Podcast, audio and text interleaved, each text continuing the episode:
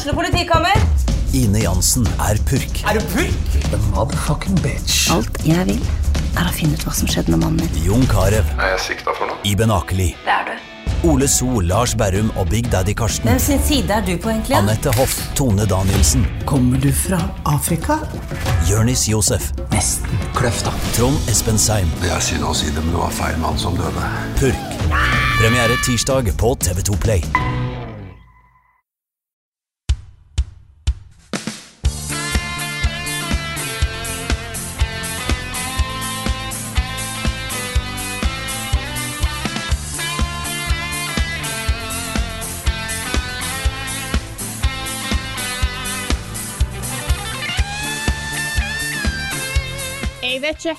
Hvor april ble av sånn egentlig, men plutselig så var det nok eh, unnagjort. Og vi er klar for en ny episode av podkasten Level Backup, som plutselig òg har dukka opp i din podkast-feed.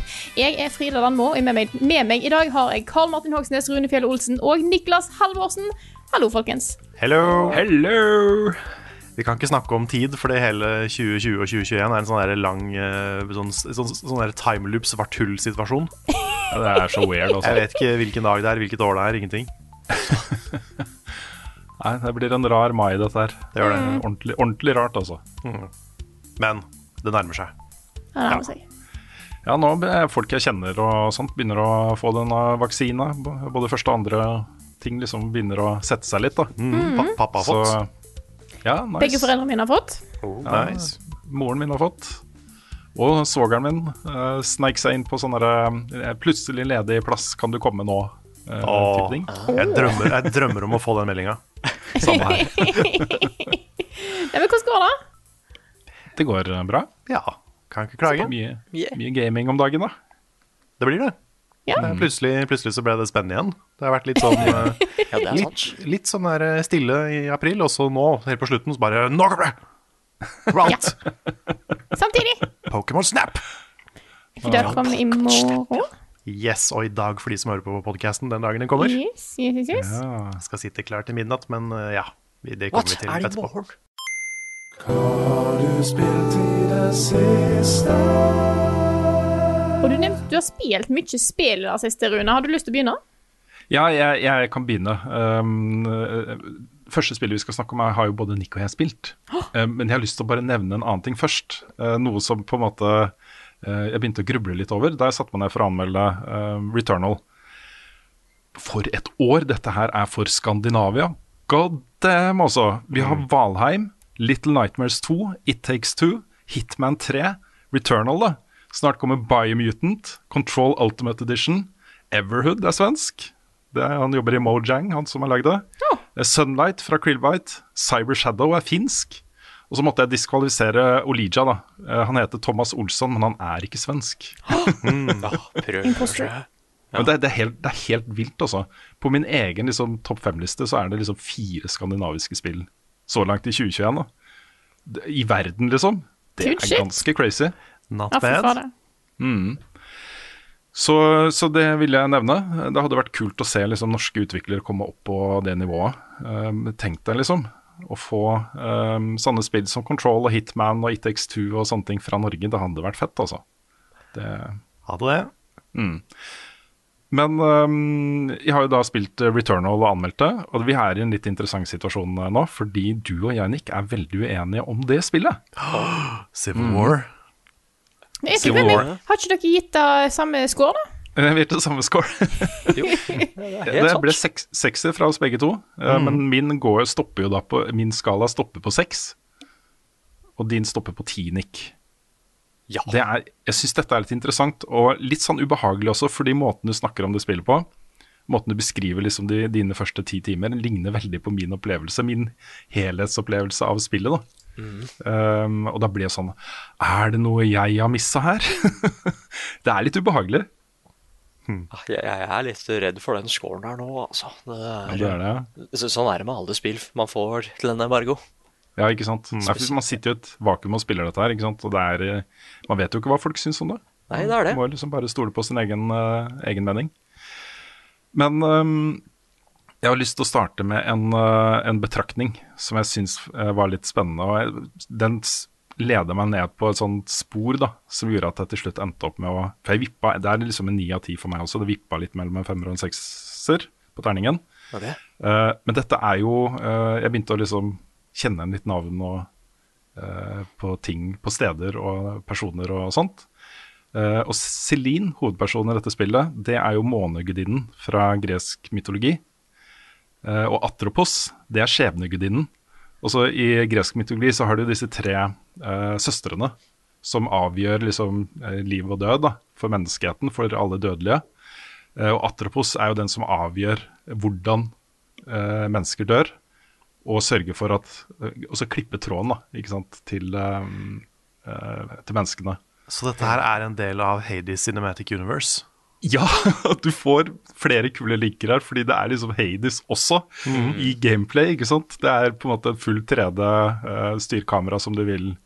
Uh, Rogelike uh, uh, opplevelse, ikke sant? Yeah. Med referanser til gresk mytologi og, og sånne ting. Så, så det syns jeg var litt spennende. Og så ble jeg liksom så bergtatt da, av, uh, av Atropos, av stedet, av uh, implikasjonene av uh, alle disse tingene her. For det er liksom urokkelig en ufattelig kul sånn actionopplevelse. Og så hadde du de tingene i tillegg som gjorde at jeg liksom satt virkelig og koste meg. da. Så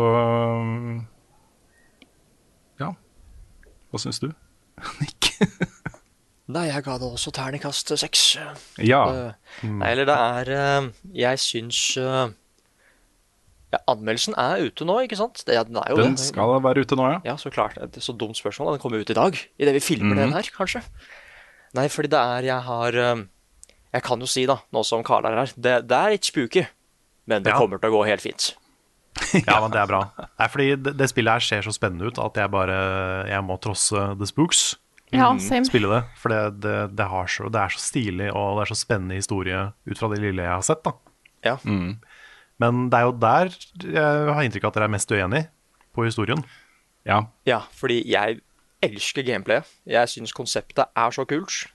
Bare det at liksom de første Det at du starter spillet med å finne ditt eget lik, liksom. Um, og så er det kult at du kan finne audiologs rundt omkring i spillet som er liksom tatt opp av en fremtidsversjon av deg selv. da. Ah, Som av og til liksom sn- snakker om I dag så så jeg noen skikkelig, noen skikkelig weird shit. Jeg lurer på om du møter på det samme. Um, og så plutselig så kan han uh, gi deg hint ikke sant, om hva som kommer. At bare jeg, jeg møtte på en sånn laser og trodde jeg hoppa unna, men så døde jeg av noe annet etterpå. Og da blir man litt spent. bare, Oi, hva, hva er det?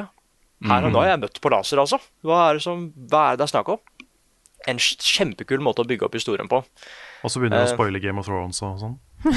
Ja, og, og da, da, da, da satte jeg foten ned, da. Eh, Ikke noe spoilers her. Nei, men jeg kan si at jeg har eh, På en måte så er det litt min skyld òg, fordi jeg var også på ni av ti, liksom. I hvert fall i de første ti timene hvor alt er nytt, og du aner ikke hva noe er, ikke sant. Eh, og det veit jo ikke Celine heller, for hun finner bare en grønn krystall. Bare hva er det den her gjør? Nei, jeg veit ikke, jeg. Du må, du må bruke den først, liksom. Det, sånn er det med alt, da. Du må teste det for å vite hva fun liksom, åssen ting funker og sånn. Og mye av det er bare så vague at jeg veit ikke åssen den her funker, men jeg tar den med, for sikkerhets skyld, liksom. Uh, så må du skanne ting og tang, og du finner disse nye områdene og lærer om planeten og sånn. Uh, Min favoritt er da, bare en liten digresjon, eh, Nick. ja. Det er når du finner ting som du, hvor det står at uh, dette, dette kan hjelpe deg, liksom. Du kan uh, heale f.eks. av den gjenstanden her, men det kan hende at den har en negativ eh, statuseffekt også. Ja. Det er random, da. Eh, og så trenger du healing. Liksom. Du, trenger det, du trenger virkelig healing der og da, liksom, så du må ta sjansen. ja, ja. Og så, og så plutselig så har du bare en millimeter med helse igjen, da. Ja, for det, det er mange sånne high risk, high rewards-systemer i det spillet her. At bare, ja, du, får, du finner en sånn ting som du kan sette på drakta di. Du får 10% mer defense, men nå tar du fall damage, liksom. ja. Så jeg var litt pyse og bare Ja, men jeg liker, jeg liker Celine som er her nå, så vi, vi tar ikke opp så mange av de der. Vi er litt feige her. Um, nei, men jeg kan si at det der jeg liksom gikk fra 9 av 10 til en 6 av 10, som er en ganske Det er en ganske drøy nedgang, liksom. ja, det er dramatisk. Ja, det er en dramatisk dipp. Ja, og det var fordi at jeg har eh, Det jeg var mest spent på i det spillet, var liksom de svære mysteriene, da. Og bare Ja, hvorfor, hvorfor er vi her? Hvorfor, hvorfor er vi i timeloop? Eh, Hva har skjedd her? Eh, Alt er skikkelig, skikkelig weird. Og da liker jeg at liksom, de audiolagsa du finner, er en Celine som prøver å dokumentere situasjonen. ikke sant? Så kan du høre at hun blir påvirka av å ha vært der ganske mange ganger òg, som er kjempekult. Men jeg, jeg ble Jeg ble veldig skuffa over svara vi fikk når det kom til historien. Eh, og det er derfor det også var en sånn dramatisk dipp, fordi jeg bare venta på liksom Ok, så fort jeg er på slutten, da kan det hende at jeg får det jeg vil ha, da. Grunnen til at jeg har gjort det her. Svaret på mye av det jeg lurer på. Og så fikk, føler jeg ikke at jeg fikk det, da. Jeg føler Nei, jeg, når, når, du- når du forklarer på den måten, så skjønner jeg mer hvor, hvor vi eh, skiller eh, lag da, på oppfattelsen av spillet. Ja. Fordi um, jeg, set, jeg setter veldig stor pris på i dette spillet at det stilles mange spørsmål. At det er mange mysterier og mange gåter og sånt. Og jeg tolker det ikke som så mye mer da, enn bare et spennende bakteppe til en veldig kul opplevelse, på en måte. Jeg satt ikke og venta på de svarene. Jeg forventa ikke at, uh, at alt skulle uh, gi mening da, til slutt.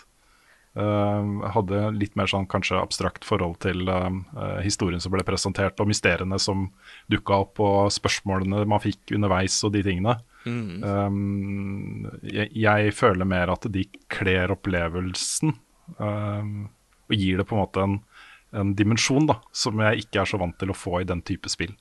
Som jo handler Fordi gameplayet her um, altså denne loopen med at ikke, ikke bare loop rent faktisk, at du blir satt tilbake til start, uh, men at eh, alle uh, verdenene endrer seg. Altså rommene endrer rekkefølge og utforming, og plutselig så er det noen fiender i et rom som ikke var der før, osv. Uh, men hver gang du låser opp på en måte en verden, du finner nøkkelen til liksom portalen til neste eh, verden, så kan du liksom bare fise gjennom. Alt du trenger å gjøre på veien, er liksom å sørge for at du plukker med deg et våpen på veien, f.eks.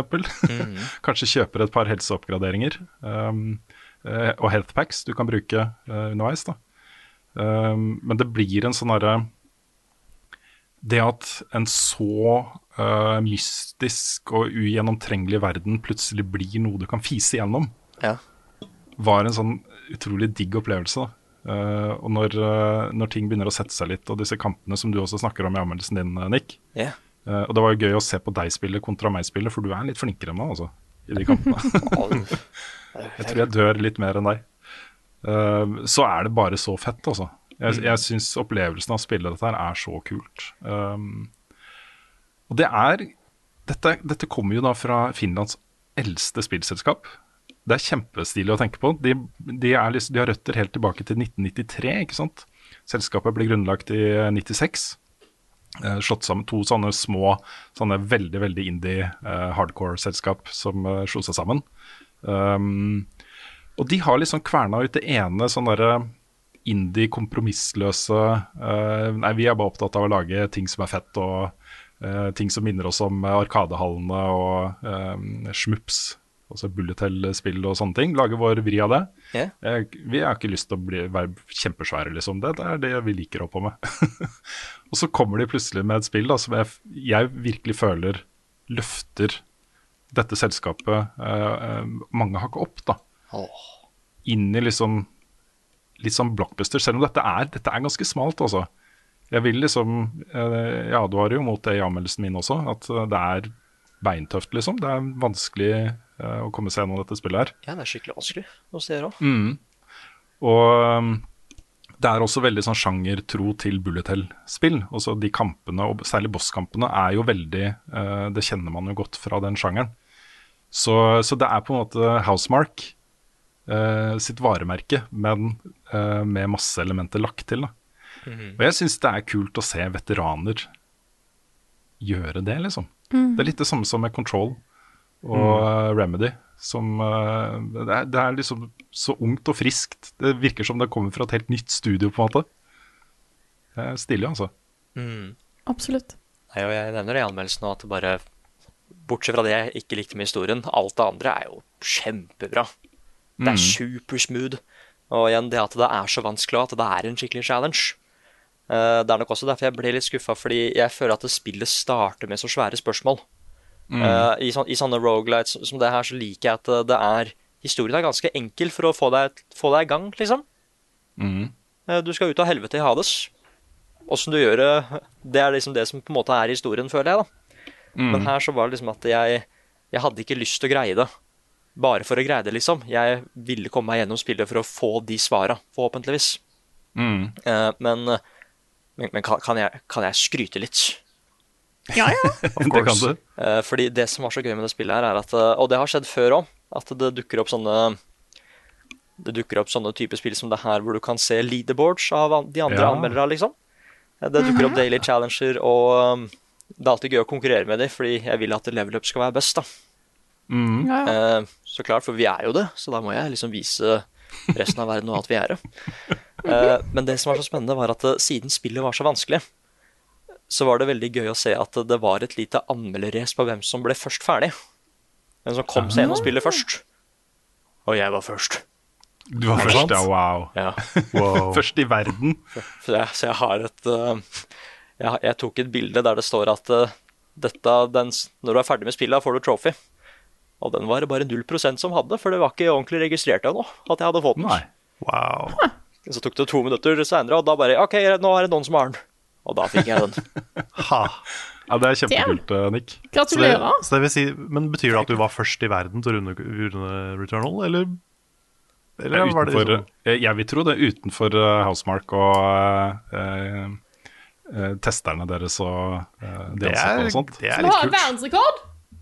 Ja, Ja, ja det, altså, det er jo, sånn? ja, for det er jo sikkert noen sånne eh, blader og sånn som fikk spille enda tidligere. Men da hadde vel de dukka opp på leaderboards, de også? Ja, fordi det som skjedde, var at det er, eh, det er bestemt to achievements i det spillet. Eh, Og jeg, jeg hadde en liten teori om at for å få tak i den siste, det at du klarer spillet, så må du klare det, dette andre achievementet først. da. Eh, Og da spiller jeg spillet, ser at eh, ja, noen har fått det litt tidligere, ser jeg, for de har klart å komme gjennom deler av spillet som jeg ikke har. da. Men så ser jeg at jeg plutselig får dette første achievementet. Av disse to achievementene. Jeg får det først. Og da får jeg plutselig at oh, dæven, det er faktisk mulig å bli først her. Um, så, så da gønna jeg på. Havna i sonen og sånn. Ble Super Saiyan God Super Saiyan. Og Shit. uh, sparka rumpe, kicka hash. Ehm, og da, da, da fikk jeg den, da. Det er Fy veldig fader. kult. Shit, det er helt insane. Ja, det er det er kjempekult. Nick først i verden til å runde Returnal. Ja, det er kult. Ja, jeg tenker bare at eh, Hvis hele verden hadde fått det samtidig, så hadde nok ikke det gått, men det spiller ingen rolle, for jeg var først. Så, Hva det? så, så, så det viser at level up er best i Returnal. Ja, Ehm, det er kjempekult. Nice, nice. Jeg har aldri vært så høyt på leaderboardet som da vi fikk Ori tidlig. Da var jeg, høyt jeg var ikke på toppen, det, det er langt ifra. Men, eh, men det var sånn, det å se liksom navnet sitt med bare, bare to tall, det var litt kult. Ja, det er stilig. Jeg tror jeg var på toppen, enten førsteplass eller sånn pall, da, på en av banene i Bound. Ja, Mm, For da jeg fikk Ja. jeg tidlig. kult. kult. nei, så Du, var- Nick, kan jeg spørre deg om noe? Ja. Fra anmeldelsen din. Ok. Hørte jeg Altså, en av de låtene du bruker, var det Metroid? Ja, det var det, vet du. Ja, fordi det, her syns jeg er så kult, altså. Det, det, spillet her er jo, er jo Metroid Prime. Ja, du skanner jo alt, liksom. Du skanner alt, og du ankommer liksom en planet med skipet ditt, og istedenfor å liksom lande, da, sånn som uh, Samus gjør, så krasjlander du på en måte. Og hun er blond, ikke sant? Ah, Nei, det er uh, Ja, det var akkurat det jeg tenkte òg. Så da Fikk du da ending screen i bikini, eh, Nick, siden du var først ferdig, eller? Ja, nå skal jeg ikke spoile noe, men ja, så klart jeg fikk det. ja, ja, ja. Det ble, det ble twist at ja, det var en, det var en dame hele tida. Det var det. Yes. Det hadde vært veldig veldig gøy at det, ja, du er først. Da skal du få bikinishots. Ja. Sånn ekstra liten bikini fordi du er den aller første. ja Uff a meg. Det hadde, tenk hvis det hadde vært noe sånt, da. Da det hadde vært krise, altså. Bra. Men det var jo sånn det var. Ja, Men du hadde ikke bikini, hadde hun ikke bare en sånn blå jumpsuit? Nei, for tingen var at jo Åssen var det? På, Jo kjappere du gjorde det. Ja, jeg tror det hadde med hastighet å gjøre, og eh, completionist prosent og sånn, Ok muligens. Jeg, eh, Så du kunne, du kunne få en ending hvor Samus bare var i bikini. Det er en skamplett på en ellers uh, helt amazing serie, altså. Ja. det er mye, mye kleint back in the day. Jeg prøver å google dette her real fast, eh, men jeg kan se en som er Det er ganske bikini, ja. Ja, Men, ja det, ja, det ble jeg litt skuffa over å høre. men, men det var veldig Metro Prime. Jeg fikk veldig Mm. Metro-vibber av det. Mm. Så da hinta jeg til det i musikken, og så blæsta jeg litt Chrono Trigger her og der også, just for the heck of it, for det er jo time shenanigans, ikke sant? I noticed. Ja, du har jo også Days, Days, The Day After Tomorrow, er det ikke den heter, den filmen med Tom Cruise. Ja, stemmer det. Ja. Ja, det er også Altså, det er jo, det var, jeg kan jo si at det var jo det som eh, gjorde at jeg vippa mest, egentlig. Var at, fordi det er jo mye referanser her, og de har henta mye inspirasjon og sånt. Og det, det strider litt imot på en måte den resten av opplevelsen som jeg opplever som veldig unik. da. Um, uh, både design av verden dette foregår i, uh, fiendedesign og um, den overbyggende historien liksom, opplever jeg som ganske unik. Men hvis man skraper litt i på en måte referansene, så skjønner man jo at de har tatt inspirasjon fra ting her. liksom. Det er ikke helt sugd fra eget bryst, alt du opplever her. Uh, og da blir jo spørsmålet liksom, er det Mye av den beste kunsten i verden er jo nettopp det. At de har blitt inspirert av noe. Uh, inspirert til å lage uh, verk som står godt på egne bein. da. Og jeg endte jo opp da med å liksom føle at dette står på egne bein, selv om de har liksom Mye av dette er pynt, da. Det er liksom uh, lagt til opplevelsen fordi det er fett, mer enn fordi Ikke sant? Uh, men jeg syns det funker allikevel, da. Jeg syns det, jeg syns det er greit. Yeah. Så er jo fryktelig glad i science fiction og um, opplevelser som er litt ubehagelige. Eh, og særlig science fiction som er litt ubehagelig, syns jeg er, er en av mine absolutte favorittsjangre. da. Ja. Så, um, så jeg er veldig, veldig glad i dette spillet her. Og hadde det kommet ut i fjor, så hadde det vært topp tre også, for meg. Oh, Såpass. det er liksom Jeg hadde jo konkurrert da med, med um, eh, de som havna på toppen for meg. Det var mye bra i fjor. Ja, det var Ja. det. Mm. Så, så jeg er superfan. I am a superfan. Men eh, skal vi eh, kanskje la den ligge litt? Nå får jo folk muligheten til å oppleve det selv, hvis de gidder å betale 850 kroner for det etter å ha sett Nicks anmeldelse. Oh, Ja. det er en eh, stiv pris. Ja, det er det, altså. Å, fy fader. Mm. Jeg ser at eh, det er posta på community-siden på Facebook at hvis du er medlem, var det Elkjøpskundeklubb, var det det det var? Ja, det var noe sånt. Da var det billigere, ja. Ja, 499 eller 449 eller et eller annet sånt. Ok. What? Mm. Det var mye forskjell. Ja, det er masse forskjell. Så, um, men dette er jo en sånn ting som, uh, som uh, kommer til å bli en sånn stadig tilbakevendende greie. Det kommer, det kommer til, Dette er jo nye prisen på Triple A Blockbuster for mange. da. Mm. Uh, Sony har jo lagt seg på den prisen. De gjorde det med Demon's Souls uh, også.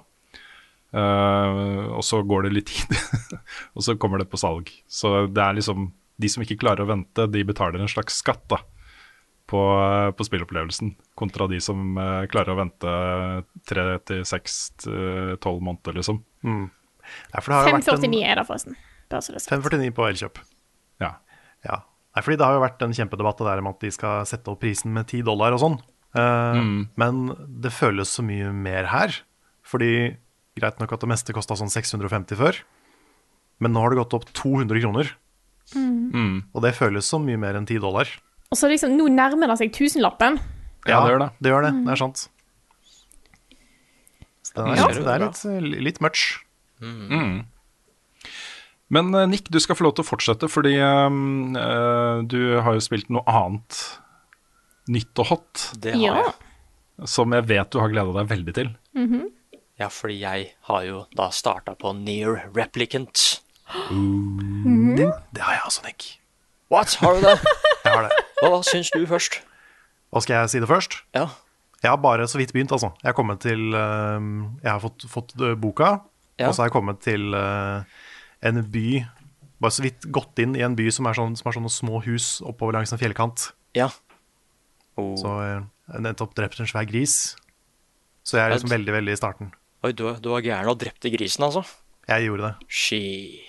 I showed that uh, gris where the scabs go. Ja, for den er jo legendarisk i den nye community. Er det? Ja, så du tok den. Jeg tok den. Jeg gjorde det. Jeg brukte mye healing, men jeg tok den. Jeg brukte litt Dark Souls-rulling, så gikk det fint. Ja, for han er tøff, ass. Jeg liker liksom det at det er eh, Det er en sånn eh, Åh, det er en så kul setting, altså. Det er, fordi det er en veldig sånn gradvis end of the world-situasjon i det universet der. Uh, med at det bare Ja, ting ser jo ganske fint og fantasy-aktig ut. En ganske rolig verden. Men det er disse mørke undertonene med at eh, Nei, det er eh, Folk blir ikke noe særlig eldre. Vi har sykdom rundt omkring. Vi har disse her rare vesenene, The Shades, som går rundt og dreper mennesker og sånn. Ja, det at folk ikke Det er ikke jeg catcha. Mm. Det catcha ikke jeg, at folk ikke hadde blitt eldre. Nei, liksom bare det at eh, de sier bare sånn generelt at det er, verden er såpass farlig, så det er ikke så mange som rekker å bli noe særlig eldre. Ja, sånn, ja. At den er, den er dangerous. Mm. Da liker jeg at grisen er en av de svære Det er en gud, liksom, nesten, i den verden der, for den er så sterk. Ja, det var sterk. Mm. Men det var også veldig kult, fordi det er jo en litt sånn klassisk Fantasy Village-setting. Mm. Men det er jo en prolog også, Ja. som er satt i det som ser ut som moderne tid, postapokalypse. Ja. Med liksom bygninger, skyskrapere og sånne type ting. Og så går man 1500 år nesten fra, fram i tid til en gammeldags fantasy-setting. Ja. Så det, bare det er jo ganske mye kontekst for et eller annet. ja, så er Så det det bare er spennende. Det er en tidlig twist, liksom. Mm. Og De jeg, lik, første ti minuttene er en twist. ja, og jeg liker at liksom de er eh, De er så langt inne det at det er jo ancient history nå, liksom. De har Mm. bøker som dokumenterte historien som var før der og sånn. Men bare De snakker om så rare En do, liksom. Hva er det for noe? Ja. En pistol og det, det, det er en sånn Det kunne nesten vært en twist i seg selv. At det var egentlig bare satt mange, mange år i fremtiden. da. Mm. At det egentlig var jorda hele tida. Det er liksom Horizon Zero Dawn, nesten. Ja, det er det som er så kult med at det er 100 et fantasy-spill satt i vår setting, på en måte. Mm. Og så er det bare Det er så gøy å spille igjen. I hvert fall når man liksom har Spesielt når man også man har spilt Near Automata, for du har fått noen hint, liksom, til den verden der. Ja. Uh, så Men- de har bare bevart det så bra. Men jeg har hørt at eh, det første Nier var ganske kronglete å spille. Ja. Er det her mye bedre? Det er fryktelig mye bedre. Fordi, fordi jeg syns det er sykt smooth å spille det. Ja. Sånn kamp- kampsystemet, alt det er bare Det flyter så bra. Og det, jeg syns det er kjempekult. Ja, fordi det var, det var ikke smooth. Det, det var liksom Den svære greia var at uh, historien er jo helt uh, Den er helt crazy bananas. Jeg elsker alt med den, men gameplayet holdt spillet tilbake igjen. Det var veldig Det fikk jobben gjort, men ikke så veldig mye mer, da. Så det er, det er ikke like smooth som Nier Automata, men det er noe helt annet enn det det er uh, enn det originale Near. Det er det. Og så, eh, det originale Near er jo en litt sånn der kulturell markør-type spill. Det, det er mange som satte ekstremt stor pris på det. Men med mange så mener jeg få. altså Det solgte jo ikke så mye, og det, det var en sånn underground eh, kultfavoritt. da Det er liksom moderne tids Earthbound. Ja, eller eh, Demon Souls. Eller Også Demon's Souls, sånn for så vidt. type, Nesten en slags prototype på ting som skulle komme seinere. Mm. Og jeg syns det er det som er mest interessant med at uh, dette spillet kommer på nytt nå, da, med oppgradert gameplay og, og sånne ting. Fordi siden det så har jo uh, Yokotaro og Near uh, Automata gjort liksom det universet her til en litt sånn større ting, da. Mhm. Det har blitt et, eh, et eh, mer sånn kulturelt fenomen. Et, eh, et spill, altså Near Automata er et spill som både du, Nick, og mange andre trekker fram som det beste de har spilt noen gang, og sånne ting. Ja, sånn. Eh, og så kommer dette spillet tilbake igjen. Ja. Altså det originale Near. Um, som en sånn derre Det var her det starta. Eh, nå skal vi gi liksom de, alle de som elsker det spillet, her en mulighet til å oppleve det spillet slik det burde ha vært. Eh, og da alle nye fans med Near Automata en anledning til å oppleve noe som, uh, som er litt utilgjengelig i dag, da. Ja. ellers. Ja. Så det syns jeg er gøy, altså. Ja, for jeg spilte jo Nier Automata, og jeg spiller jo nå Nier Replicant for å få den der Yokotaro mindfucken. ja. For det er jo det som jeg husker best fra Automata. Og det er det jeg håper er i Nier også. Og det tror jeg det Ja, jeg tror det er det. Jeg har, liksom, jeg har skjønt at det liksom For det starter jo veldig tradisjonelt utenom den der første eh, prologen, da. Så er det et veldig tradisjonelt JRPG i starten. Med liksom, Du har alle tropesa med liksom en landsby og en ung mannlig eh, helt. Uh, og liksom veldig sånn koselig, veldig anime, veldig grønt og fint, og du knerter noen sauer og sånn for landsbyen din, og, og ting og sang. Men så jeg, jeg merker at det er en twist her. At det liksom bygger opp til en subversion av, av tropes, ikke sant? Så jeg bare gleder meg til å se hva det er. Mm, ja, jeg skaffa det originale ned bare fordi jeg syns han karen på coveret var litt kul. Ja Det var liksom ikke noe Men så plutselig så får du den der at det bare Wow, dette tok en vending som jeg ikke helt uh, så komme. Uh, det var én ting, for jeg hadde spilt noen fantasyspill før òg. Og bare det at det bare What, er det en oppfølger til Drakengard òg? Hva er det som skjer her? Um, jeg, jeg har litt sånn der blanda mening med at uh, Det er også fordi at jeg, jeg var så glad i pappa Near. Du spiller jo broder Near i Near Ja. Replicants. En helt annen hovedperson. Mm. Han uh, Yoko Taro mente at det var best å ha en far her i uh, her i Vesten, fordi vi, vi hadde sagt satt, uh, holdt jeg på å si Vi hadde funnet det mer emotional enn en bror og søster. Og jeg er litt enig. Jeg tror han har litt rett. Uh, jeg f- Det er et litt annet forhold der enn det jeg hadde i det originale spillet, men da blir det to forskjellige opplevelser òg, da. Og jeg har uh, Jeg skal ikke spørre... spoile. hvor, hvorfor det? Sånn, altså, hva er på en måte kulturforskjellene som gjør at uh, bror og søster funker bedre i Japan, og omvendt? Nei, jeg vet ikke. Han, han bare sa det. At uh, det var uh, For å være sikker på at Vesten også skulle liksom bli litt emotionally invested, så var det kanskje lurt at det var en far og datter isteden. Eh, Men det som er så fett med det her, er at det, er jo en remaster, liksom. Men det er en ting på starten som er annerledes enn det originale spillet. Som jeg ble litt satt ut av at de har gjort. Og jeg lurer på hva det betyr. Er det bare noe de har gjort for å bare Vet du hva, vi, vi bomma litt i det første spillet, så vi fikser opp i det nå, eller er det noe mer? Kan det hinte til noe annet? Plutselig så er det liksom en oppfølger til Near. Altså. Å, det er jo ikke snakk sånn, fordi plutselig så er det det. Ja, plutselig så er det det. det er sånn, jeg føler at det er den nye sånn go to twisten.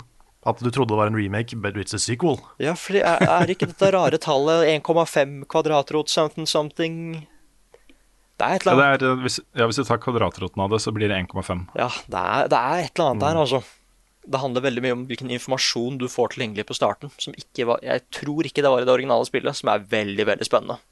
Men jeg har hørt at det er en, det er en ny ending, da. Som visstnok skal være kul. What?! Så- Det visste jo ikke jeg, da! Oh, Visste du ikke det? Shit, da, da er det ekstra spennende, Fordi da er det plutselig masse ny- nytt der òg. Ja, altså en, Det er jo mange endings i Near, men at det, liksom, det er en, en helt ny en. da Oh my god. Oh, da har jeg en liten anelse om hva det kan være. Oh, det, det hadde vært fett hvis det stemmer. Nei, så det er Du blir belønna på en annen måte hvis du også har spilt automata først, da. Du, det er ikke en er bestemt kult. rekkefølge å hoppe inn i spillet her. Det er Nei, det er jo en, det er en helt sånn bonkers timeline. Ja, ja, ja. I ja. hvert fall hvis du tar med Drakengard og alt det der. Ah, Jeg har så lyst til å bare finne en tavle og bare forklare dere timelinen. Og så quize dere etterpå. Ja, for er, ikke, er ikke hele Near basert på en tulleending? Jeg, det, det, ikke akkurat en tulleending, men en sånn Hva hvis vi har en skikkelig holy shit-ending i Drakengard? Og så Ja, tenkte han bare Den endingen var jo litt kul òg, da. La oss lage et spill av det også. Og så fortsatte det sånn. Nei, det er masse Drakengard-greier der også. Det er så, ja, Near a fetch. Oh, jeg gikk jo og gleda meg til å se Returnal-anmeldelsen din, eh, Nick. Ja. Jeg gleder meg like mye til å se den anmeldelsen her, altså. Ja, det blir stille. eh, stilig. Åh, dette er så hyggelig å høre. Det er sånn spesielt, for jeg fikk jo ikke det er, det er rart å skulle anmelde det nå. Når- jeg spilte så mye før jeg begynte å anmelde spill. Jeg ser det på en helt annen måte nå. Mm. Men så, langt så er det helt uh, It's just as good as I remembered. Bortsett fra at det er broder Near, men jeg tror det skal gå fint. Etter eh, 100 timer vet du, med historien og sånt, uh, så liker du ikke slutten, og så blir det 6 Seks av ti. Den nye slutten var ikke noe kul. Nei, det, det, Ja, de, ting- de tinga du lurte på, eh, fikk ikke svar. Nei, hadde, jeg veit at det kommer til å dukke opp noen Game of Thrones-folk her som bare Ja, men Game of Thrones likte jo der likte jeg ikke helt slutten. Hadde du gitt det en 6 av 10 òg? Nei, det handler liksom om bare hva, hva, hva spillet bygde opp, og hva jeg følte at jeg ikke helt fikk. Men eh, det, det her blir jo en liten digresjon igjen, da. Men eh, jeg syns dette er en ting som eh, altså, Jeg er veldig glad i anmeldere som, eh, eh, som har en ganske tydelig sånn identitet, da. Og eh, jeg elsker at du eh, er uenig med, i mange andre, da, i f.eks. et spill som eh, The Last of Us Part 2 Ja. eh, og Horizon. Og kanskje Returnal, det vet jeg ikke ennå. Det blir spennende. Men du, forkla du forklarer det så godt. Altså, det, det er på en måte uh, en del av din identitet som anmelder. da. Oh. At uh, du uh, verdsetter de tingene du gjør, og forklarer det på den måten du gjør. Så det skal du ha kudos for, Nick. Det syns jeg er, er bra. Det syns jeg er kjempefint. Thank you, thank you. Absolutely. Skal, vil du fortsette, Carl, eller har du noe mer å snakke om? Ja. Jeg kan godt fortsette. Mm -hmm. Jeg har jo I tillegg til å starte på Near, så har jeg jo testa litt, eh, litt den nye patchen i Monster Hunter. ja. Og der er det noen nye fights. Det er så kult at det bare slippes en patch med sånn fire nye monstre, pluss Apex-monstre, pluss nye våpen, pluss nye, nye armor set, pluss, pluss, pluss, pluss. En måned etter launch, liksom. Så bare kommer det en sånn pakke med nytt stæsj. Det er egentlig bra timing, da. Det er det. Og pluss at det kommer enda mer nå i uh, slutten av mai. Så det er så, det er så kult at de, liksom, at de har så bra support for de spilla der. Og det er gratis, og det er liksom Det er vel noen sånne kosmetiske ting du kan bruke penger på nå, som er litt sånn eh. Um, men selve innholdet er gratis, da. Og det, det er litt kult. Det føles som liksom Som du får en litt sånn slags MMO-behandling, nesten. Ja. Så det er veldig, veldig stilig. Så jeg har unlocka tre av fire nye fights, og en av de var ganske tøff. Og du har tatt fights. Jeg har ikke tatt alle, men jeg, har, jeg måtte prøve fordi jeg, det, det er ganske grindy å komme seg opp til liksom høyeste hunter rank Ah. for å få, for å få liksom den siste fighten. da. Da går det greit. Så det, det tar litt tid. Men jeg håper Jeg vet ikke om det funker sånn, men jeg håper at liksom hvis jeg kommer opp til den høyeste ranken, at jeg kan ta med dere på de fightene. Ja, så kan vi bare dø. Ja, blir wrecked. Ja, ja, fordi det er ikke sikkert. Nei, OK. Fordi jeg har ikke fått så mye, mye bedre gear. Nei, OK. Men, men du bare går opp i sånn Fordi du unlocker på en måte ranken din. da Før så var det jo sju som var maks. Men, fra, men nå så leveler du opp og leveler opp og leveler opp hele tida. OK. Så jeg gikk fra hunter rank 7 til 35 Eh, What? Okay. på bare noen timer, liksom. Ja. Er det så mye forskjell? Ja. Så siste fighten er på hunter rank 40, så jeg, er liksom, jeg nærmer meg. I Men det originale spillet hadde jo bare syv. Ja. Ja. Men det er, det er en sånn ting, for det, sånn var det i World òg, at etter hvert som du, eh, som du kommer til endgame, så bare åpner den hunter-ranken seg. Og det blir blir liksom bare en sånn skrytetall på hvor mye du har spilt. Så du får ikke noe bedre gear eller noe sånt. Det er liksom bare Dette er hvor mye du har spilt, Ja. På en måte. Men, men, men har, har du tatt bjørnen? Vet du hva? Jeg ble litt skuffa. Hvorfor det? Fordi Bjørn har ikke noe nytt eh, Han slipper ikke noe særlig nytt. Og han var ikke så vanskelig. Ja, men, men han er jo bjørnen. Han er jo the god. Han er det. Han er mye vanskeligere i Rampage enn han var på vanlig Quest. Han er helt gæren i Rampage. Bare slår ned alle veggene, og han blir liksom ikke stoppa av noen vegger, og han slår så hardt. Det er så, det er så kult, det. Eller eh, det, Du får så bakoversveis når du spiller en sånn rampage eh, mission, som basically er Tower Defense, og så kommer en sånn der fuckings bjørn og bare river ned alt du har lagd. Bare alt du har bygd. Bare sånn Fuck your towers. Ja, fordi jeg har sett de episodene du har lagt ut, Ja. og de er så morsomme på de tinga der. For vi bare Vi hinter til bjørnen. Mm. Ja, og da er det så gøy at det bare Vi er veldig sånn casual først. Bare ja, snakker om sola, nå kommer den liksom Detter ned fra taket, liksom.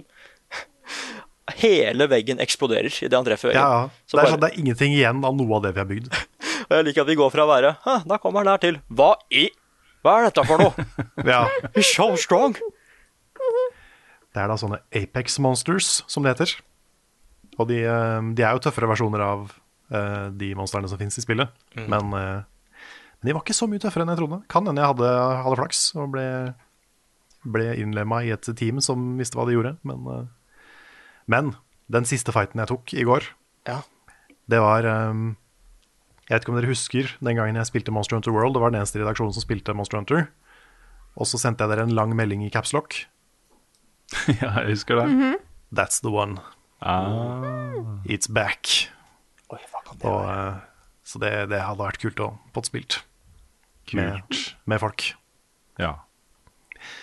Eh, ellers så har jeg jo, jeg skal ikke prate om dette her hver uke, men jeg har jo fortsatt på mitt lille visual novel-prosjekt. Ja. Mm, det kan du godt snakke om hver uke. Jeg vet Ja, vi får ikke- liksom litt pepper av og til for at vi snakker om det samme spillet om igjen og om igjen. Ja, så kan jeg eh, snakke om et, et spill som ikke finnes ennå. Men Ja. nei, jeg har jo, for de som ikke hørte forrige podkast, så har jeg funnet et program som heter Tyranno Builder Visual Novel Studio.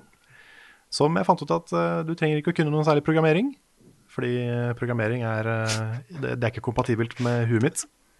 Åh, da Så- gir de diskomeldingene mer mening, ja. Nå, nå skjønner jeg det litt. Fordi har litt, eh, det har vært litt gøy å bare se åssen community reagerer på det du spiller på Discord. Ja, Husker jeg det sto Vision nå, og nå begynner jeg å koble dottene her. Så det er det du har gjort. det har jeg gjort. Ja. Jeg, har jeg, har ikke, jeg har hatt det åpent, da, så jeg har ikke sittet og spilt det så lenge som det sikkert ser ut på, på Discord. Det har bare vært et program som har gått i bakgrunnen.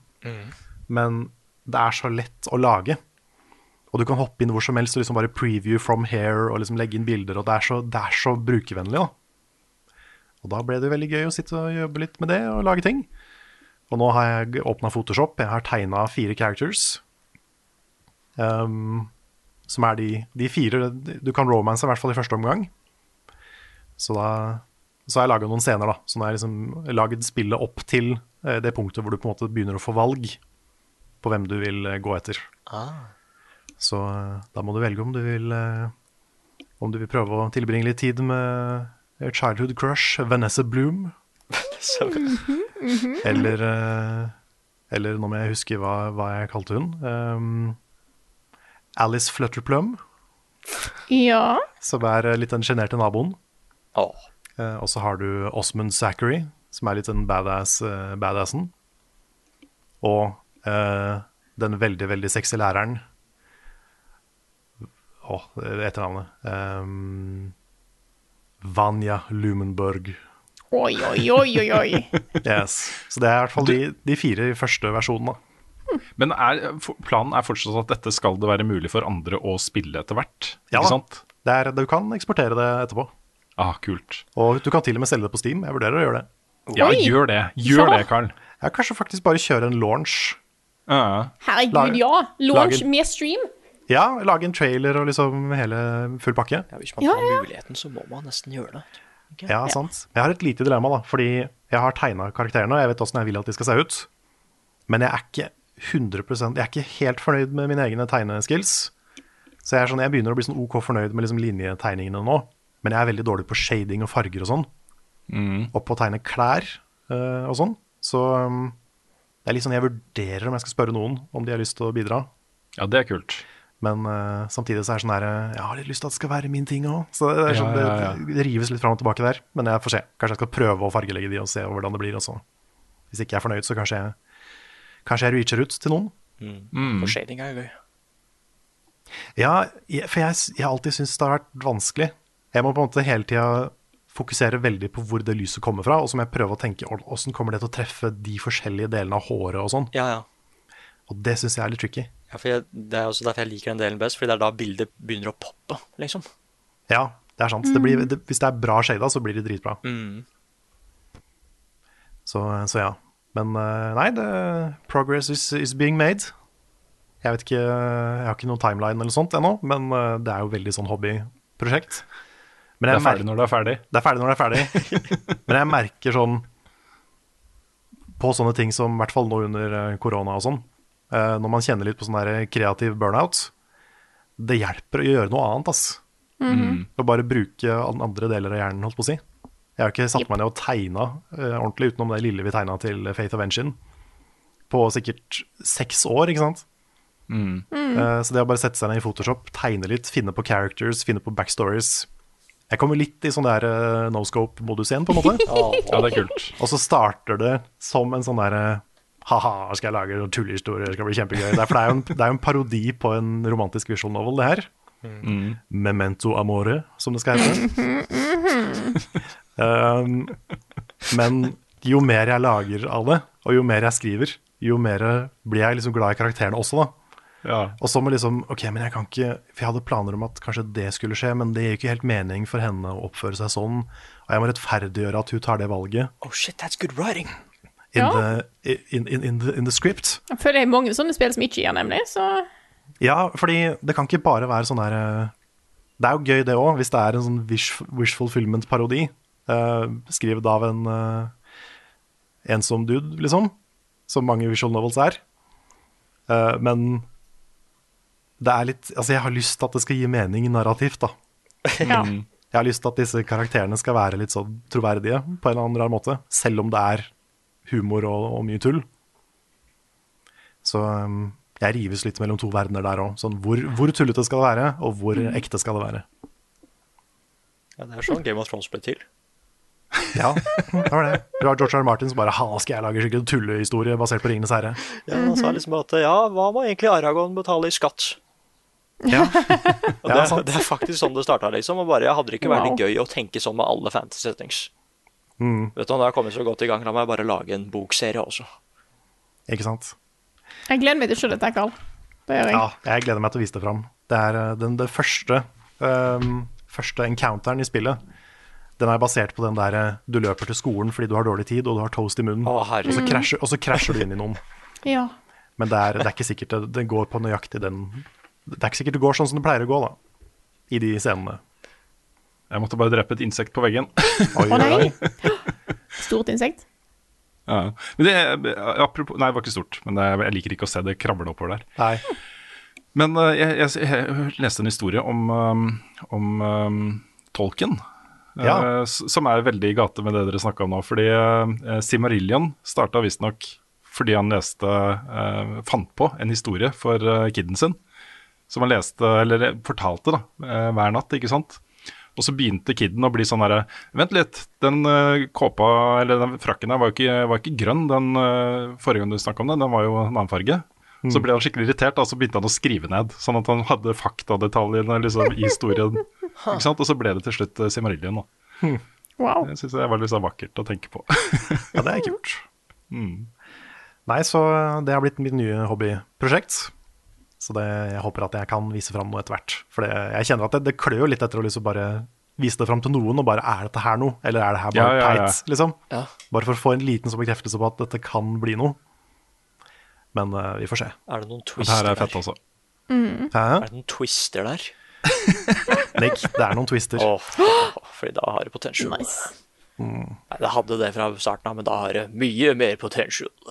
Ja, yeah. Det er ikke en sånn doki-doki-twist. Det er det ikke. Nei, nei, nei. nei. Men bare sånn Det er kanskje like greit. Too spooky. Men, eh, men det kan hende jeg har, har noen ideer til noen twister. Skal jeg fortsette? Det kan du gjøre. Yes. Jeg har lyst til å fortsette på det jeg snakker om sist. Jeg har nemlig fortsatt på Sims. Eh, Og sist gang så tror jeg jeg var ganske ferdig med Sims 1. Jeg har nå jobbet meg videre til Sims 2.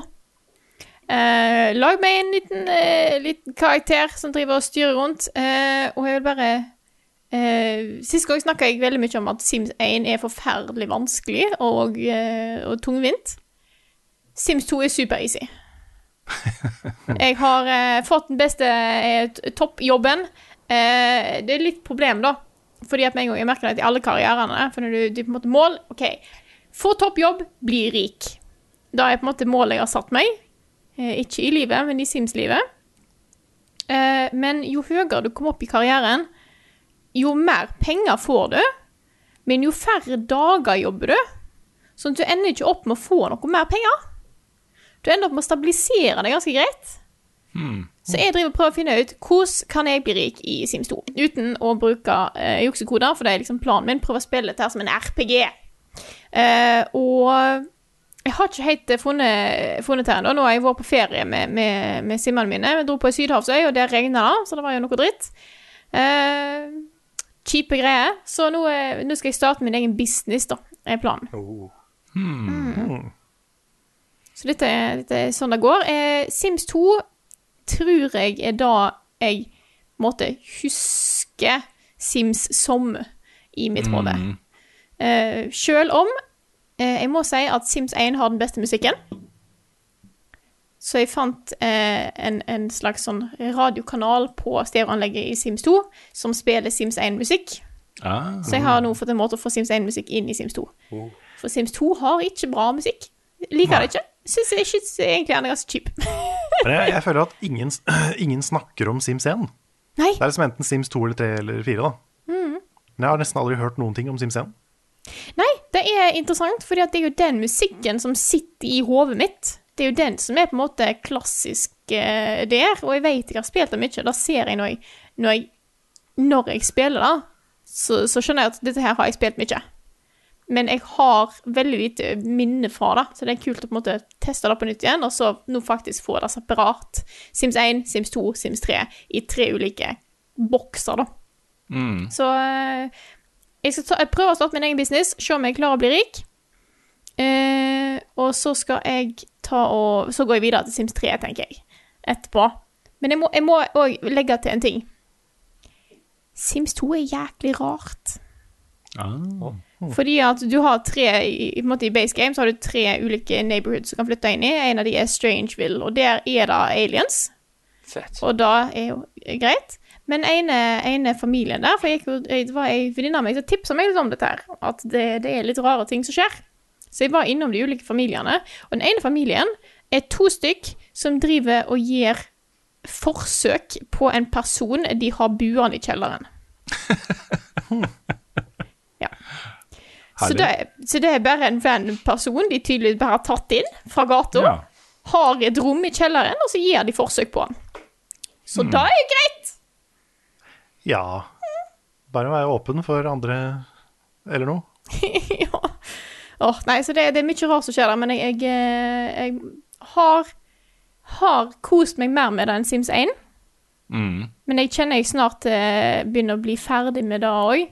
Jeg er klar for, eh, for videre utfordringer i Sims 3. Først skal jeg bare lage business. Se om jeg klarer å tjene penger der.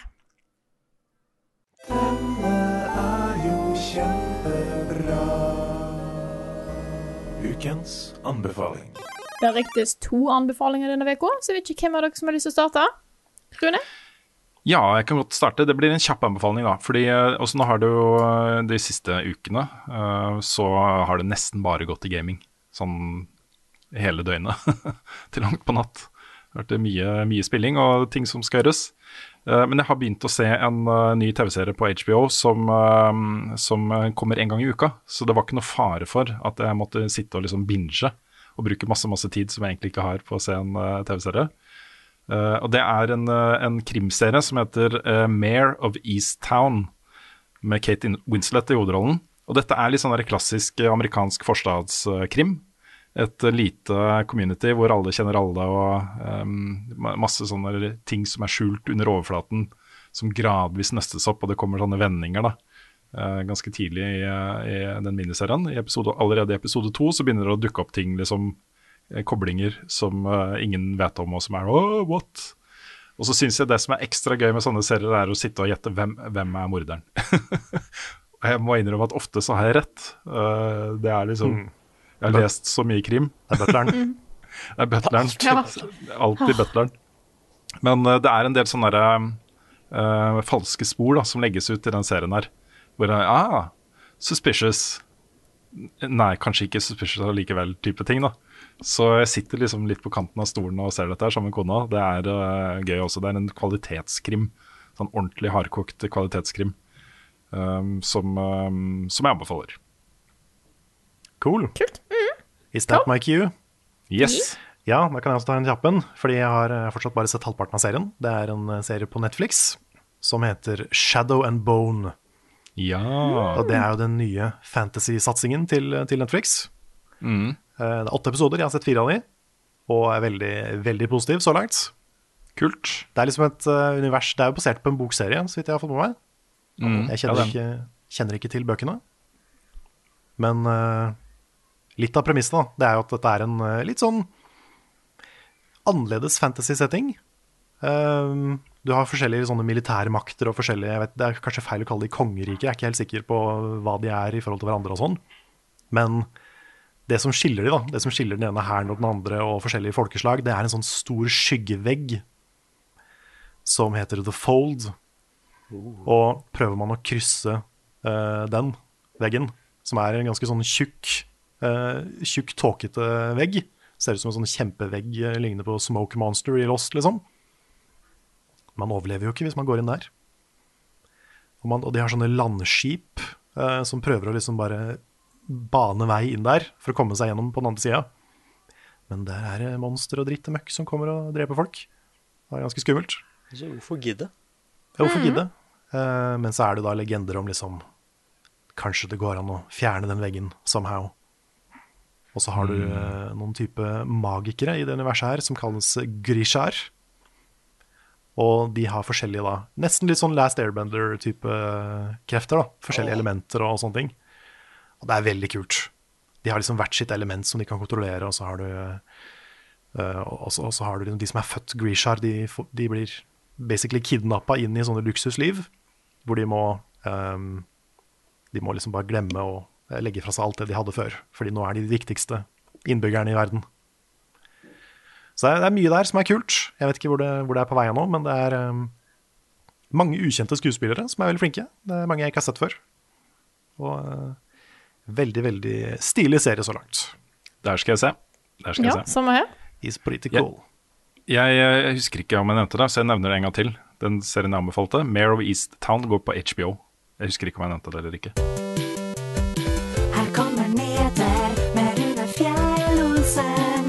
Han har ikke hår. Så det er du spiser epler, Frida. Ja, sånn er det.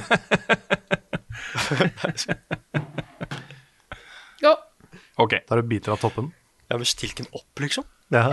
Og mens de tre eh, kollegaene mine diskuterer hvordan man spiser epler, så raser jeg videre med eh, ukens største nyhetssaker. Som Eh, selvfølgelig må- er eple, sant? Ja, som er selvfølgelig Apple. Vi skal innom Apple Vi skal innom Apple litt senere her. Vi skal det, faktisk. ja. Men uh, begynne med PlayStation. eh, det, er- ikke noe tvil om at det er manko på både PlayStation 5 og eh, de nye Xbox-konsollene. Det er flere som har lyst på de enn eh, det som er tilgjengelig. Lange ventelister. Jeg så Komplett har endra liksom alle datoer nå til 31.12. Som en placeholder, da, for de vet ikke når det kommer inn eh, nok konsoller til alle som har forhåndsbestilt.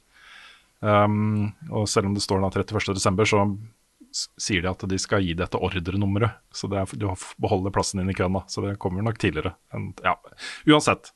Uh, men faktum syns jeg er litt spennende her, fordi det er jo solgt 7,8 millioner PlayStation 5-konsoller til nå. Og det er mer enn det PlayStation 4 solgte i samme periode. Oi. Så det er ikke det, det, er ikke det at, at det sitter liksom noen hundre tusen rundt omkring i verden som er så heldige å få tak i en PlayStation 5, og det er ingen som har den, og alle går og venter på den og sånt. Og alle spill kommer til å selge dårlig og sånt. Ja, det er faktisk shippa nesten åtte millioner uh, konsoller, og det er ganske, et ganske høyt tall, da. Eh, så, så det jeg syns er mest interessant her, det er jo den etterspørselen. Det har, vi har aldri vært i nærheten av å ha den type etterspørsel etter en ny spillkonsoll. Den har jo gjerne vokst litt mer gradvis eh, utover i syklusen. Det hadde sikkert kunnet solgt liksom 20-30 millioner uh, konsoller, tenker jeg. da. Veldig sånn løst eh, anslag basert på eh, interessen der ute. Eh, og det er, det er eh, nok litt sånn koronarelatert, tror jeg. Folk er hyppe på ny, og kanskje også at de har oppgradert TV-en til 4K og sånne ting. Mm. Så, så det kan være greit å bare ha i bakhodet. Ja, det er mange som venter på en PlayStation 5, og ja, det er eh, ikke, kunne vært flere som hadde en PlayStation 5 og en Xbox Series X og S, eh, men eh, det er tross alt solgt ganske mange. Microsoft rapporterer også om eh, eh, at omsetningen fra gaming eh, er opp 50 Um, ganske betydelig opp på salg av konsoller, men det er ikke så rart. Fordi uh, nye Xboxen kommer i november, liksom. Så eh, dette er tall for 2020. Og Switchen også er jo solgt som hakka møkk. Uh, Ja, ja, ja. i, Mhm. helt siden pandemien starta. Mm. Nei, så, så det går så det griner. de kunne ha spruta enda flere tårer. Eh, og så kunne ha grinet enda mer. Nei, det er et dårlig bilde. Men eh, det er tross alt solgt nesten 8 millioner PlayStation 5-konsoller. Husk det, folkens. Det er, mm -hmm. det er bare interessen er eh, ekstremt høy. En herlig liten sak fra Pokémon Go-universet. Det har nå kommet luftballonger med reklame på kartet. Hurra! Ja. Dette er jo da sånne luftballonger som er der i ti minutter. Hvis ikke du interacter med dem på ti minutter, så forsvinner de da. Men hvis du klikker på dem, så får du en reklame. Dette er eh, eh, dels litt sånn Jeg blir litt irritert. eh, men dels også har de implementert det på en, en eh, det jeg mener er en OK måte. For jeg er ikke noen sånn motstander av eh, reklame eller kommersialisering eller behovet for å og her er det da mulig å skru det av i innstillingen for alle spillere. Du kan bare gå inn og si 'jeg vil ikke ha de luftballongene'. Og på barnekontor, også kontor som er definert som barn, så dukker de ikke opp i det hele tatt. Så det er ikke bare innført som en sånn derre Nei, men hvorfor, for, liksom. hvorfor vil noen ha de? Hvorfor, hvorfor ikke bare skru de av? Ja, det er nok mange som kanskje ikke får med seg da, at man kan skru det av. Eller eh, kanskje det er noen som har fetisj for reklame, jeg vet ikke. Ja, jeg vet ikke. Men, Men eh, det ligger jo det ligger jo muligheter her, da, sånn rent mediemessig, som, eh, som er i hvert fall spennende å, å ha litt i bakhodet. Og det er jo eh, lokasjonsbasert eh, reklame. Hvor du er og går på tur på, i Frognerparken eller på Grünerløkka eller i Tokyo eller et eller annet. Så kommer det liksom eh, GPS-basert reklame for bedrifter som ligger i nærheten, uh, f.eks. Det som gjør meg litt sånn irritert, det er det at Pokémon Go er ganske hissig på mikrotransaksjoner og sånn allerede. Har ikke ja. de tjent jæklig mye penger på det spillet?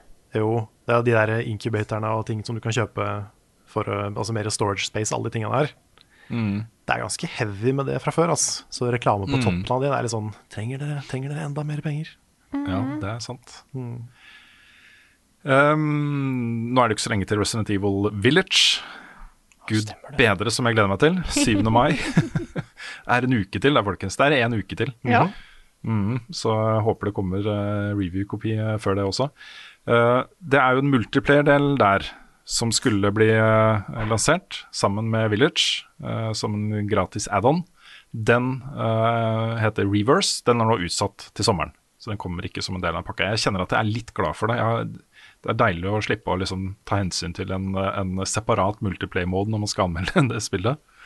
Um, men det, det vil da komme som en gratis pålegg til sommeren isteden. Så har også Super Mario Party fått en eh, patch som gjør det mulig å spille um, party mode, altså brettspillet, uh, online med venner. Oh yes! Wow, det tok lang tid. Det lukter Det tok sin tid, altså. Ja. Ja, det her skal vi spille. Mhm. Dette har vi eh, på en måte, vi har ikke vært klar over det, men dette har vi gått og venta på, dere. Ja. Ja da. Ja, for vi, vi har snakka om uh, duell ganske mange ganger i løpet av uh, det siste halvannet året. Mm. Og vi snakker alltid om Mario Party, men det har jo ikke online. Nei, det er ikke Altså, det det. har online, men det er ganske dårlig online. Ja, det er noen få minispill du kan gjøre sammen, liksom. Ja, Så dette her er jo bare perfekt. Mm. Endelig. Ja, så får vi da testa ut uh, om, uh, om uh, mitt løfte Ja. om å ikke blinke ut deg når vi spiller. Ja, det er spent. jeg, jeg, jeg kan ikke love at jeg får det til, altså, men du har- jeg skal prøve. Jeg skal prøve. You, you gave me your word. Ja, Vi har allerede runda spillet, Carl, så hva annet kan du true med? Nei, da må jeg finne på noe annet. Det blir en spennende historie, i hvert fall. Ja. Uh, nei da, vi får se. Jeg bare ser for meg den situasjonen hvor jeg sitter der med en mulighet til å, Ting- til å ting er, du må, bare, du må bare vente til jeg er leder. Åh, jeg håper det Det dukker opp er jo så morsomt når det ligger nederst på lista. Men her har du, Rune. Du bare fucker opp oss andre, sånn at eh, Carl eh, havner øverst. Så kan du ta han etterpå. Eh, Jeg håper det dukker opp en mulighet der du har liksom valget mellom å vinne og fucke med Carl, liksom. For da får vi Ja. se hva slags person du er, da. Ting, tingen er at jeg Ja. vet hva du hadde valgt. Ja, den gamle meg. Ja. Altså, jeg, jeg er jo litt opptatt av å holde løfter òg, da. Jeg vil jo ikke være den som bryter løfter, liksom. Nei. Men uh, det er good content, da, Carl. Det er good content. Ja, men på Altså, det, det, det fins grenser for hvor lenge det er det. Ja, det verste er at hvis det faktisk hadde skjedd, og du hadde valgt å fucke med Carl da, så hadde jeg vært litt sånn Wow, det var douche gjort, men he's a man by principle. Han står for det, han. Ja. Ja, der har jeg fått eh, støtte av Nick, så da ligger jeg enda Nei, litt nei, nei, nei, nei, nei, det var ikke det. Det var ikke det. Var ikke det Jeg sa, jeg, sa bare at, jeg sa bare at vi hadde, vi hadde ledd av det om ti år, liksom. Det hadde vi. Det hadde vært good content, liksom. Om, om ti år så hadde jeg fortsatt våkna i kaldsvette og bare Kan aldri spille Mario Party igjen. Nei, nei, Karl, du kan ikke tenke sånn, fordi plutselig så dukker det opp en situasjon hvor du kan ta igjen Nei, du er jo ikke en sånn, du. Nei, det er du ikke. Nei. også Problemet er at hvis jeg bruker Til og med hvis jeg hadde vært det, hvis jeg hadde brukt all energien min på, uh, på å fucke opp for Rune tilbake, så sender jo vi bare hverandre i døden, ikke sant? Ja. Ja. Og da vinner jo alle andre. ja, det er greit for meg. Ja, det er det, det, er det som er problemet. Fordi Rune just wants to watch the world burn, ikke sant? men jeg har jo Ja. lyst til å spille og ha det gøy. Det er en så er interessant skurk. Det er akkurat som å spille Scrabble med kona. dette her. Vi har gjort det nøyaktig to ganger. Vi kjøpte Scrabble for å spille sammen. Jeg har fortalt denne historien her før, da, men for nye lyttere. Og det er jo sånn, jeg, jeg tenker jo sånn trippel ordpoeng, trippel bokstavpoeng. Eh, hva kan jeg få mest mulig poeng for å legge på? Så dusteord. Bare for å få mest jeg, Det som gir mest poeng, er det, de ordene jeg legger på. Mm. Mens kona liksom tenker å, nå skal jeg lage lange, morsomme, gode ord, liksom. Ja, Men det er jo innafor, for da, da spiller du jo bare smart. Jo, men poenget er jo at vi, hun leder jo hele veien, og hun koser seg så mye. Begge de to gangene vi har spist Scrabble, så koser hun seg skikkelig. og så kommer vi helt til slutten, og jeg sitter og ruga på øene og åene og eh, blinka ut liksom akkurat den kombinasjonen av det ordet på det stedet og sånne ting. Og så legger jeg ut i, så får jeg 200 poeng, og så er spillet over. Jeg har knust henne. Jeg har ikke bare vunnet, jeg har knust henne, liksom. Og det er bare sånn, Da har det gått et halvt år da, før neste gang vi spilte, og så skjedde det samme igjen. Så vi har ikke spilt Scramble etter det. så ja. Nei, men jeg går videre, jeg. Ja, ja. Jeg nevnte vi skulle innom Apple. Eh, Det har kommet en eh, oppdatering til IOS, IOS 14.5. Eh, Og den har nå da native-støtte for både DualSense, altså PlayStation 5-kontrolleren, og Xbox-kontrolleren. Så eh, her går du da inn på DualSensen og holder inne, inne Share og PlayStation-knappen til touchbaren blinker, og så vil den da dukke opp som en kontrollermulighet i IOS. IOS. Og på Xbox så holder du bare nede pair-knappen på kontrolleren. Så vil den da til slutt dukke opp uh, der. Og det, det er kjempebra for eh, mobilplattformen, rett og slett. Det er uh, ordentlig, ordentlig eh, behagelig. Jeg har drivet og snust litt på Fantation, det nye spillet til Mm. Hironobu Sakaguchi, mannen bak Yes. Final Fantasy. Det, det er, får jeg mer og mer lyst til å spille nå, altså. Kanskje bare Mm. lade iPaden min for første gang på et par år, og se om jeg kan, kan få lasta den ned. Ja, for det har kommet så mange spill som, eh, som jeg har spilt med touchkontroller. Og det skal jo sies at uh, når et spill er liksom designa for touchkontroller og det funker, så er det jo spillbart. Mm. Uh, men det har vært flere opplevelser jeg har hatt uh, de siste årene hvor jeg har tenkt at Og jeg vet at det fins andre alternativer, men jeg har det ikke. Altså Du får jo liksom kjøpt mounts og ting du har kunnet bruke PlayStation-kontroller og sånne ting til uh, mobiltelefon før. Uh, Racer har noen greier osv. Det fins ting, liksom, men jeg har ikke brukt det og jeg har ikke hatt det. Nei. Um, men sånn som uh, Sayonara Wild Hearts, eksempel, som jeg spilte først på mobil, det har vært mye mer behagelig å spille med en uh, håndkontroller. Mm. Så um, Ja, for det, det er litt av eh, greia for meg, tror jeg. Det, er jo, det ene er jo at det er eh, overflod av mikrotransaksjonsspill og sånn på, på mobil. Men det er også det at det er ikke en så veldig behagelig plattform å spille på. Sånn komfortmessig, liksom. Nei, det er, det er noe med touchkontroller. Altså, det funker, og det er uh, på en måte naturlig at det er, uh, er hovedkontrollsystemet. Mm. Men uh, hvis, man er, hvis man spiller så mye som vi gjør da, på andre plattformer, med håndkontroller og mus og tastatur og, Mm. og sånt, så, så er det en liten overgang, altså. Det er det. Jeg hadde ikke orka å sitte på en iPad i fem timer i strekk og spille Bloodborne, liksom. Altså, ikke, nei, Bloodborne er et dårlig eksempel, Fordi det kan jeg ikke spille med touch. Men, eh, men ja. Nei. Og Implikasjonen er jo litt inter interessant her, fordi nå, nå kommer jo også hele GamePass, ikke hele da, men de spillene som har cloud-støtte i GamePass, er nå også tilgjengelig på mobiltelefon, både Android og eh, Apples telefoner, via browser eh, på, eh, på iOS. da. Uh, og der er det jo da, Kobler du til en Xbox-kontroller, så kan du jo ta med deg den kontrolleren du satt og spilte uh, Fable 4 med på PC. Og Så kan du ta den samme kontrolleren, bare pare den til telefonen din, og så kan du fortsette spillet der, liksom. Når du skal ut på busstur, uh, et eller annet. Jeg vet ikke. Det er en litt sånn interessant tanke, da. Mm. Eh, dette er ikke noe stor nyhet for meg, men det, det drypper jo inn litt sånn Fortnite-nyheter uh, i heimen her. Og nå har plutselig sønnen min blitt interessert i fotball. og Han er ikke noe, følger ikke fotball, spiller ikke fotball og er ikke så veldig interessert i fotball, men nå er plutselig Neymar jr. er jo den største, kuleste personen i hele verden. Det er sikkert fordi de snakker om ham på skolen og sånt. Men han har nå kommet til Fortnite, Uh, og det er litt, litt kult, for han har jo en sånn derre beast mode, hvor han blir en Jeg tror, det er en sånn mekka-cat. Sånn okay. bobcat. Det For sånn derre suit. og han er fotballspiller, liksom. Um, men Neymar er jo en hardcore gamer også. Han driver og streamer, han spiller Counter-Strike og er skikkelig god. nå. Jeg har sett noen klipp hvor han er uh, rockevilt, liksom. Redder eh, dagen og en last man standing og hamler opp med alle og sånt. Så eh, Men- det er litt morsomt. Men nå er liksom 100 forskjellige spillfigurer her i Fortnite. Ja, Lara Croft kom nettopp. Ja, nettopp. Og Aloy og Kratos og i det hele tatt. Ja. Eh, fotballspillere er i Fortnite. Star mm. Wars er i Fortnite. Marvel er i Fortnite. Mm ja. Er det noe som ikke kan være i Fortnite? Nei. Det er jo ikke det. Nei. Eh, nei. Jeg må, jeg må Eh, PUBG? spille jeg må, s- PubG. Hæ? PUBG? PubG og liksom 18 pluss og porn, liksom. Ja. Det er kanskje det, det eneste som ikke kan være i Fortnite. Ja, det er sant. Nei, det, det nærmer seg et eller annet her. også. Jeg, jeg begynner å kjenne at det kribler litt. Jeg har lyst til å spille det med, med sønnen min en gang. Så eh, Bare for at han skal vise meg hva dette her er. Han sier at han eh, har foreslått, det, for jeg nevnte for han Jeg, jeg fortalte om den Alana Pearce Uh, Fortnite-videoen. Hvor eh, to av vennene hennes som er skikkelig gode i Fortnite, tar henne med og gir henne et par Victory Royals. da Um, og når jeg så den videoen, så var det sånn Dette ser jo ganske gøy ut. Og hun er jo bare litt sånn himmelfallen over hvor absurd alt er. Ja. Altså, This is all the games. Ja, men det er jo virkelig all the games. Ja. Så, så sønnen min har liksom hengt seg litt opp i det. Han sier at vi skal få en Victory Royal bare ved å fiske, sier han. Så um, okay. mm, Ja, det har skjedd det- en del i Fortnite som ikke jeg har fått med meg. Ja, ikke sant? ja, nei, jeg vet ikke. Han kommer liksom stadig vekk ut fra rommet sitt bare «Eh, 'Pappa, vi vant!' Så ja, uansett, da. Um, det Neil Druckman har eh, snakket, snakket om The Last of Us Part 3. og Det er jo bare en sånn tanke i Neil Druckmans hode, men jeg tar det med fordi en av de tingene vi snakka om når det gjaldt The Last of Us Part 2, var um, den eh, litt sånn um, forskjellige meningen om hvordan det slutter, og den reisen de forskjellige rollefigurene tar.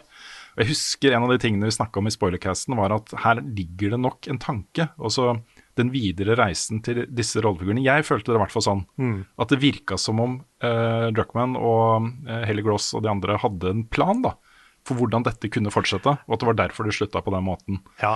ja, The Last of Us Part 2 føles for meg som, en sånn, som det mørke midterste kapitlet. Ikke sant? Og Det er derfor jeg syns det er interessant å bare nevne det. Fordi Neil Druckmann sier at, at det fins et plott og en historie klart til Last, The Last of Us Part 3, sånn som vi mistenkte. Men at de ikke jobber på det spillet nå. Jeg håper han skal få lagd det en gang, men, eh, men det vil da bli en gang i fremtiden. Kanskje en launch-spill til PlayStation 6, eller seint ut i PlayStation 5. Mm. Um, løpet, kanskje. Uh, men jeg ble litt glad for å se det. At, uh, at det fins et plott.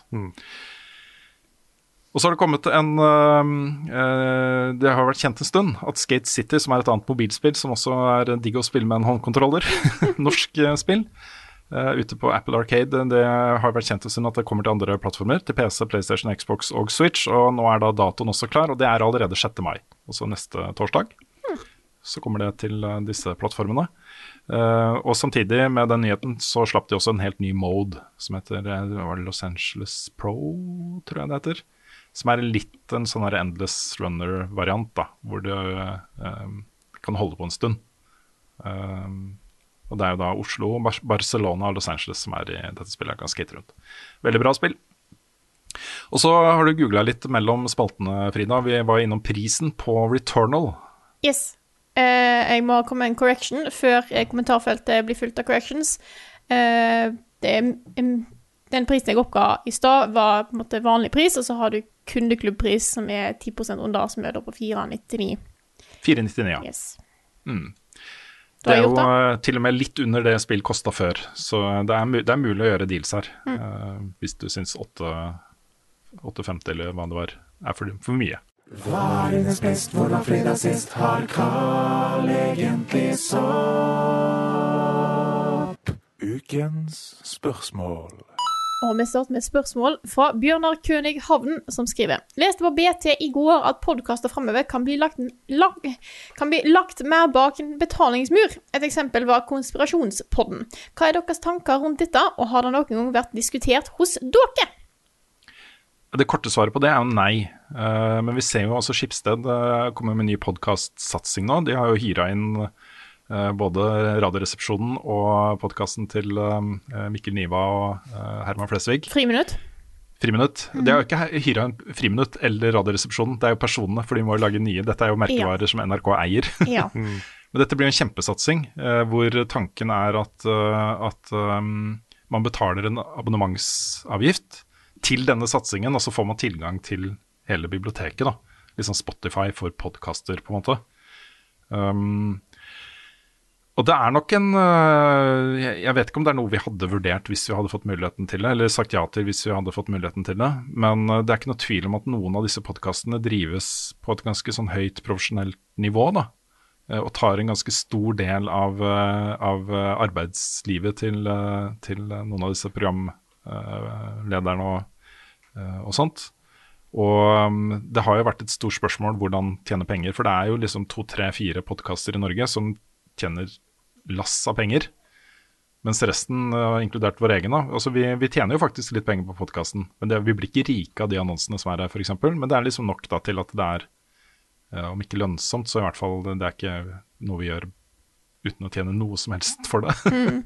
I tillegg så er det jo sikkert noen som backer oss på Patron fordi vi har podkasten, så uh, det er allerede en øk økonomi der. Um, jeg, jeg er uh, ikke så veldig glad i konseptet, kjenner jeg. At, um, at man har en podkast som man liker godt, og så plutselig så er den bak en betalingsmur. og Mm. Uh, og sånt. Jeg kjenner at det, er, det strider litt mot podkastens natur, da. Jeg vet ikke hva dere tenker. Det er, jeg vet det er folk som har f.eks. at de har en timed exclusive til folk som støtter og sånt, og da er jo en mulighet. Eh, Hvis podkasten er på en måte eh, ikke tidsrelevant. Eh, men vår handler jo veldig mye om nyhet og sånne ting, så derfor ser jeg ikke på en måte at det som er et, et, et alternativ for, for vår podkast, da. Eh, men jeg er enig i at jeg synes, da har vi jo diskutert mye om, om Patreon, hvordan vi skal bruke det. Vi bestemte oss jo for å ikke legge noen ting bak der, egentlig, av det vanlige Mm. innholdet vårt. Og det syns jeg egentlig er litt greit. Mm. Men det kan jo hende altså vi, vi, vi har ikke diskutert akkurat liksom betalingsmur og sånn konkret, men det vi har diskutert, er jo liksom hva om eh, inntektsbehovet vårt endrer seg. Hva om vi må ta eh, noen grep for å sørge for at vi fortsatt kan eksistere. Eh, og det har jo vært perioder i vår indie-tilværelse som har sett ganske mørkt ut. Hvor inntektene har ikke vært i nærheten av nok da, til å liksom rettferdiggjøre drift over lang tid. lave lønninger og alltid liksom sånn hånd til munn-greier. Og eh, i den konteksten så har vi diskutert liksom, ok, hva om eh, siste mulighet for oss er å si at ok, du får ikke podkasten vår med mindre du betaler for den, eller anmeldelse, hva som helst, da. Altså, det er jo en betalingsmodell som er, eksisterer der ute. Men det føles feil, altså. Det det. det. Føles ikke, det føles ikke som oss, liksom. Det føles ikke som da Kanskje det er bedre å bare si at uh, takk for runnet, det var uh, gøy. Ja, ja, fordi Så lenge det varte. Level Up har liksom alltid vært gratis å se på. Mm. Så det, det, det er litt viktig. Det føles litt, litt viktig. Mm. Jeg tenker det er i hvert fall altså, alt av hovedinnhold. Mm.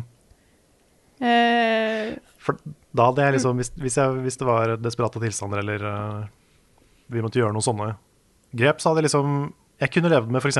sånn som Easy Allies gjør det. Uh, det gjør jeg på av og til. Og de har uh, to dager early access på podcasten hvis man er patrionbacker. Mm. Og det er sånn Det er ikke optimalt, det heller, siden det er mye nyheter og, og sånne ting. Men det er i hvert fall en litt mer eh, vennlig måte å gjøre det på, da. Mm. det blir jo litt sånn som uh, nerdelandslaget har da med sin Sidequest. Sant? Mm. Som jeg nylig var på, forresten. Det, yes. det, hei, nice. han, han, var, han kom offentlig nå nylig. Jeg hørte ja. på den, den var veldig fin. Brian. Hva gjorde du Jo, takk, takk. Nei, jeg snakka om eh, fem spill en burde spille. Ah, ja. Så den, Kult. eh, så der, er- men den sant, igjen, den er ikke noe eh, nyhetsbasert, så da går jo det fint. Det er jo tidløse episoder sånn sett, men de har jo Mm. alt altså av hovedpodkasten åpent. Og det syns jeg òg er en god måte å på en måte Mm. ta på, approach det da på, liksom. Det er sant.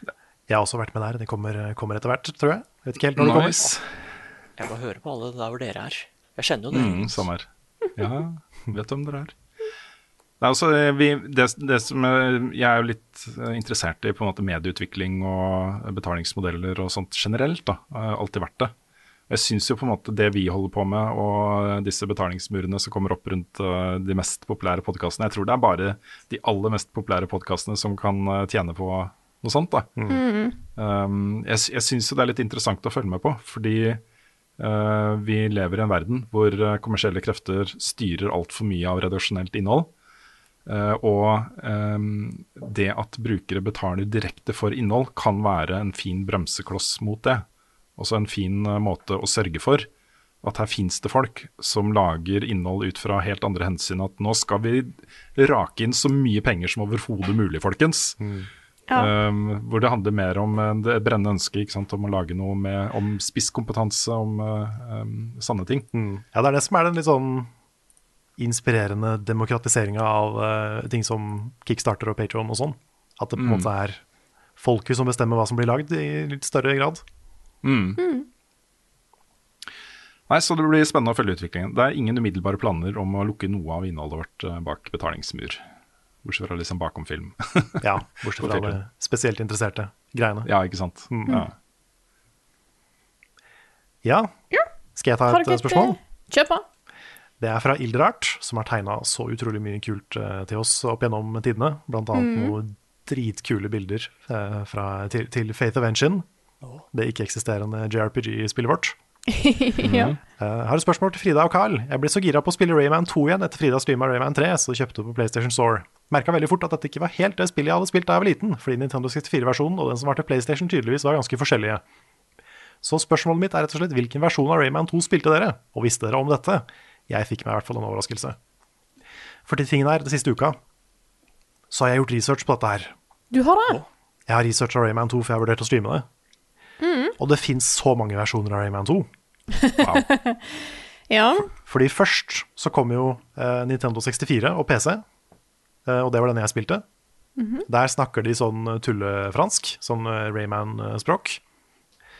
Sånn, de, de sier ikke faktiske ord, det er litt sånn der eh, Litt sånn simlish, nesten. Mhm. Um, og så kommer PlayStation 1-versjonen, som er ganske nedskalert. Som er ganske, det er kutta ganske mye fra Rayman 2. Men den versjonen er fullt voisa. ja, for jeg kan huske en voisa-versjon. Ja. Uh, men jeg var ikke sikker på om jeg hadde bare lagd det i hodet mitt. nei, nei, for jeg var ikke sikker jeg heller. Eh, men da PlayStation 1-versjonen, som er dårligere enn de andre, har voice acting. Ja.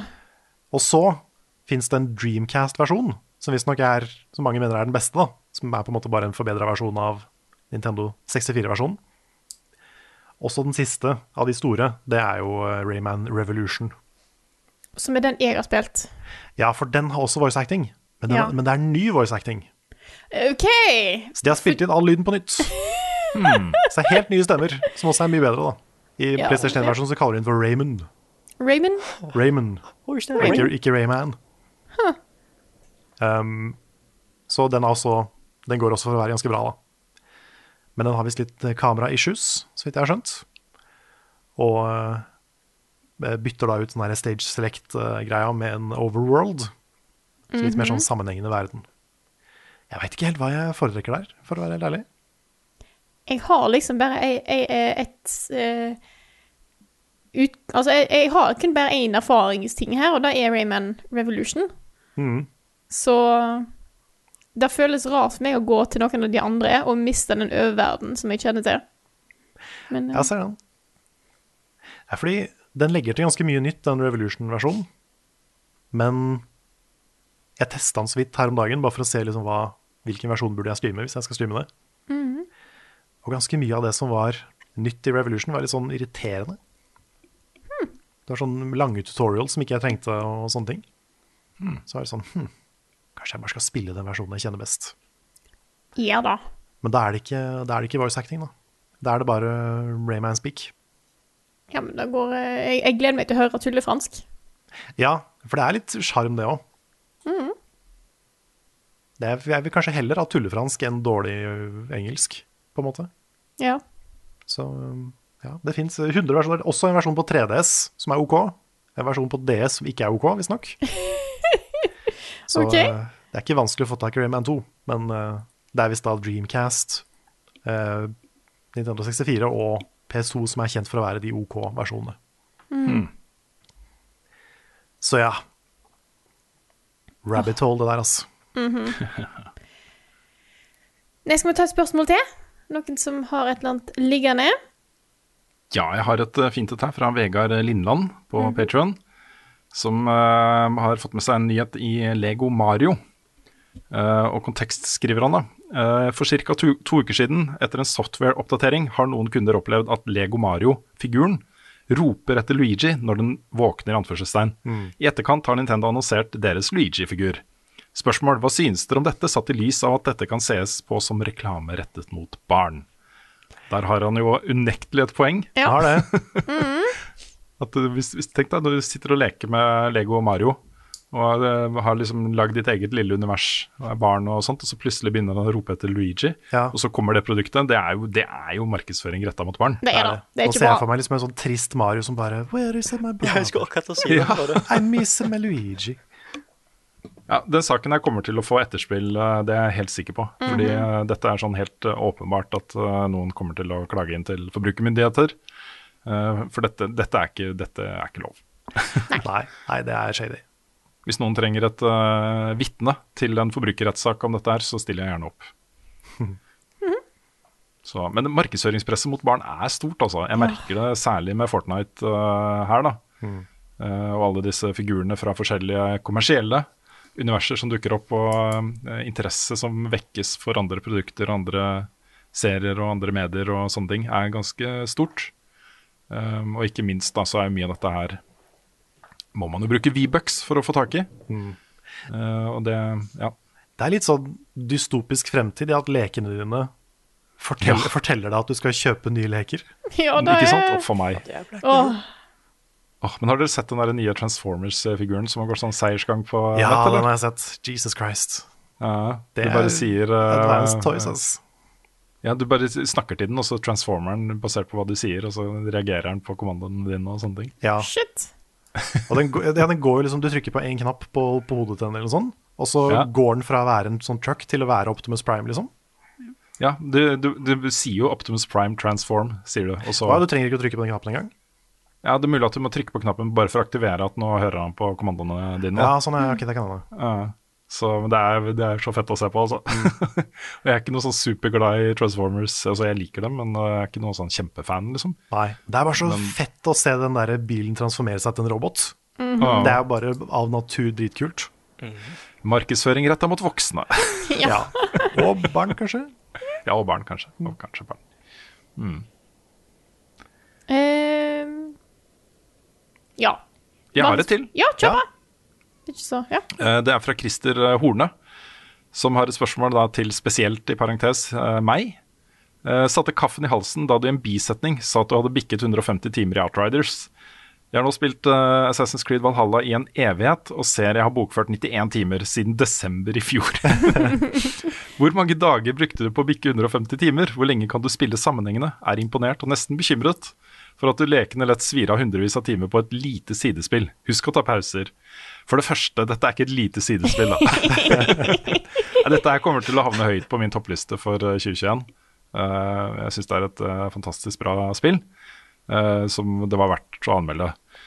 Men eh, det er litt jeg, er, eh, jeg skjønner bekymringen. Jeg er, jeg er litt sånn på den type spill som eh, det, det trigger noe i meg. Jeg blir veldig opphengt i de og eh, senker veldig mye tid i de når jeg først spiller de. Det gjelder jo eh, Outriders, det gjelder Destiny, det gjelder eh, Soul-serien da jeg spilte den. Eh, det er en del sånne opplevelser som kommer som jeg har lyst til å fortære. da. Eh, og som eh, Ja. Og så har jeg en fordel. eh, dette skulle anmeldes, så jeg spilte noe i arbeidstiden. Men jeg har også eh, fritid etter at ungen har lagt seg. Jeg spilte i fritiden istedenfor å da se på TV-serier eller filmer eller eh, gjøre andre ting, liksom. Det er pandemi, jeg sitter jo hjemme og sturrer. Da kan det fort bli liksom 10-12 timer i løpet av en dag, da. uh, I et spill. Og jeg har ikke noe problem Altså, jeg tar pauser. Og nå har jeg veksla mellom å spille det og spille Returnal, f.eks. Mm. så jeg liksom skrur av en maskin, og så skrur jeg på en annen, og så Ja, det er ikke så ofte jeg får sånne. Det, det hender, hvis, jeg, hvis det er noen spill jeg er skikkelig skikkelig gira på, så kan jeg sitte sånn 10 pluss timer i løpet av en dag. Men det er ikke ofte, altså. Nei, med Monster. Monster Hunter har jeg vært ganske hekta på, men det er sånne maks fem i løpet av en dag, tror jeg. Mm. Til og med det er ganske Det er kanskje å overdrive litt. Dagen min er jo litt sånn ganske fast strukturert, da. Hvor du har, eh, hvor du har eh, ungene står jo opp eh, på morgenen og skal ha matpakker og komme seg på skolen, og så er det jo eh, arbeidstid fra ca. halv ni til eh, de kommer hjem. Altså de kommer hjem halv tre, men da er det arbeidstid til sånn halv fem-ish. Og så er det jo middag og sånne ting, og så går jo ungene og spiller, og da har jo jeg også spilletid etter middag. Fram til de har, liksom, de har en sånn time skjermfritt da, før de skal legge seg. Da spiller jeg yatzy med dattera mi og, eh, og sånne ting. Så det er en time hvor jeg gjør sånne ting. Så jeg får sånne avbrekk innimellom da, som gjør meg klar for en ny giv. Men eh, det har liksom hendt ofte nå de siste eh, tre ukene som jeg har holdt på med. Det kom jo i påsken, var det ikke det? Jeg mener å huske at det kom langfredag, kan det stemme? Outriders. Det Kan være. Ta og sjekke. var i hvert fall sånn rundt der, ja. Ja. Um, 1. april. 1. april, ja. Det er, det er en, en måned, da. Um, og det, det er jo gjerne sånn hvis ungen er i seng da, til liksom uh, halv ni, som det er på hverdager, uh, og i ro sånn cirka ni, så det har hendt at jeg sitter og spilt liksom til to-tre på natta. Um, nesten litt sånn sammenhengende. Det er, eh, jeg er glad for at eh, det er et spill med en slutt. Nå, eh, det, er, det er litt derfor jeg senker mye tid i det også, fordi jeg vet at ok, når jeg kommer til et visst punkt, så er jeg ferdig med det. Mm. Det, det er jo fint. men, eh, men det er, jeg er eh, periode hardcore liksom, på spill. Innimellom så, så er det det jeg gjør hele tiden. Men jeg Og så er det Ja. perioder hvor jeg bruker kveldene til å se en TV-serie jeg liker, eller andre ting. da. Jeg vet jo at når en først har sånne spill, der en merker at det eneste jeg har lyst til å gjøre, er å spille dette spillet her, så er det en fin følelse, altså. For da er det så gøy, det er så fengende spill. Det. Mm. Ja, det er litt, eh, jeg, jeg er litt avhengig av den følelsen for å liksom fortsatt være så lidenskapelig eh, engasjert i jobben min. da. Det å gjøre dette på heltid. Jeg må kjenne på den følelsen innimellom for å opprettholde den glødende interessen for spill med det. Mm. Og jeg er vel glad for at jeg fortsatt har den. At det ikke er noe som har forsvunnet. Liksom, for da det kunne det fort blitt litt tungt også, å jobbe på den måten vi gjør. Mm.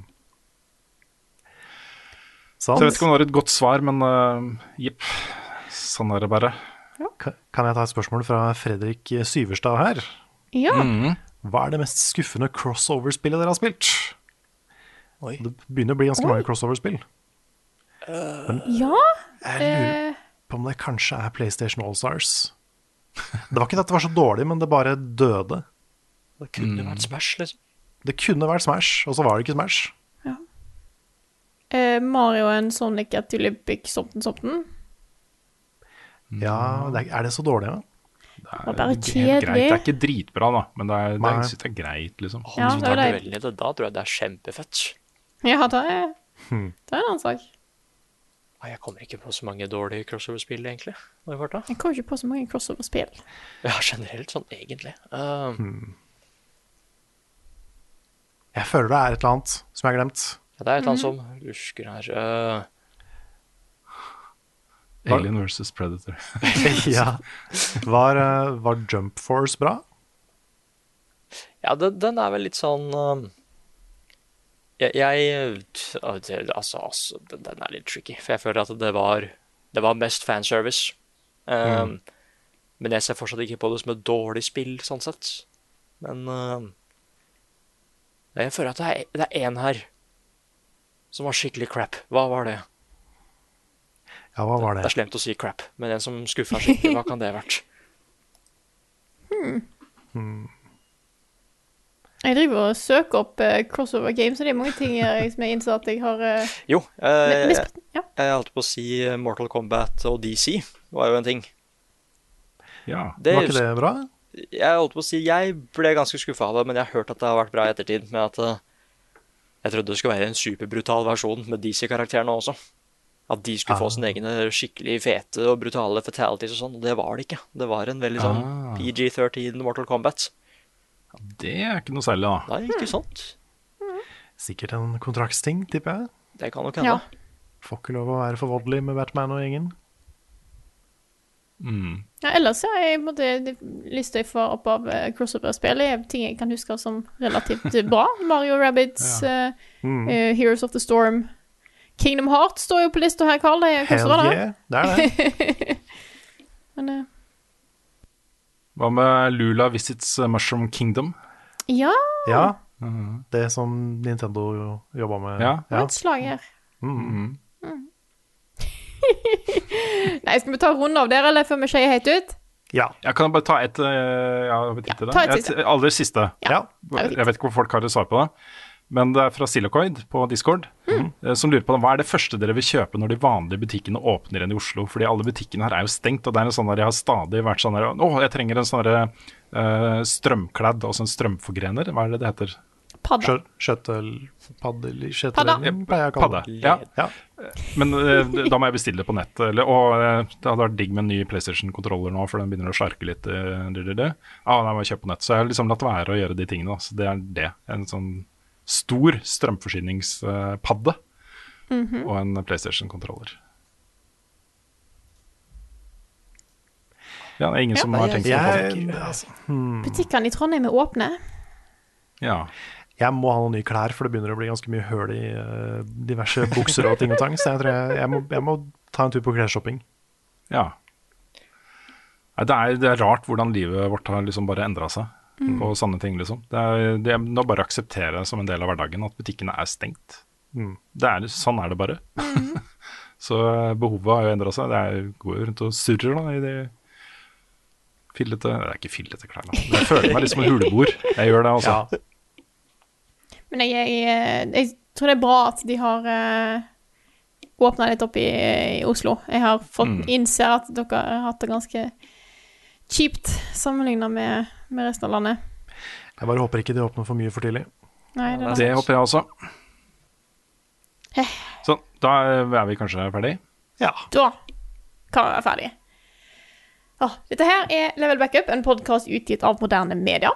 Låten i introen og outroen er skrevet av Ole Sønnik Larsen og arrangert og framført av Kyoshu Orkestra. Vignettene er laget av fantastiske Martin Herfjord.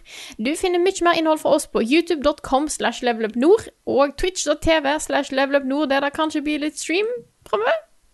Maybe. Maybe. Ny Pokémon Snap, kanskje? Det kommer, det. Det kan Ja, det jeg skal streame det en del, ja. Kanskje streame det litt. Grann. litt. Vi har òg en Discord. Discord.gg slash levelupnorge. Og en Patrion. Ja, nei, shoppen først. Vi har en shop. Shop.spreadshot.no slash levelupnorge. Der har vi kule T-skjorter. Kanskje kommer det snart nye T-skjorter. Vi har noen ideer her så vi må bare få ut av hovene våre og inn på en dataskjerm nær deg. Og hvis du har lyst til å støtte det vi gjør, så kan du gå, inn på patreon.com slash levelupnorge og støtte oss med det beløpet du har lyst til der. Nå har vi Verdens eh, snilleste betalingsmur. Ja. Ikke sant? Yes. Det er et betalingshoppeslott. Ja. Ja. Vi kan si til, eh, til dere som har passert eh, 1000 dollar lifetime-goalet, så har vi sendt ut noen meldinger til dere eh, angående de rewardsa. Hvis ikke du har fått sånne rewards før, så ta og sjekk innboksen din på Patreon. Det er Do it. Yeah, do it. Eh, Do it. Og ja. Tusen takk til alle som støtter oss. Og takk til alle som har hørt på nå. Og så snakkes vi igjen neste uke.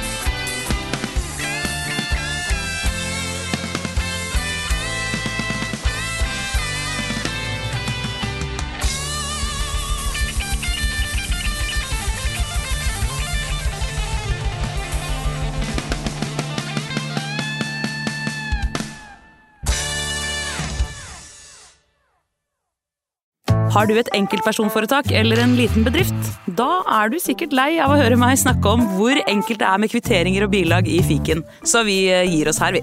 Fordi vi liker enkelt. Fiken superenkelt regnskap.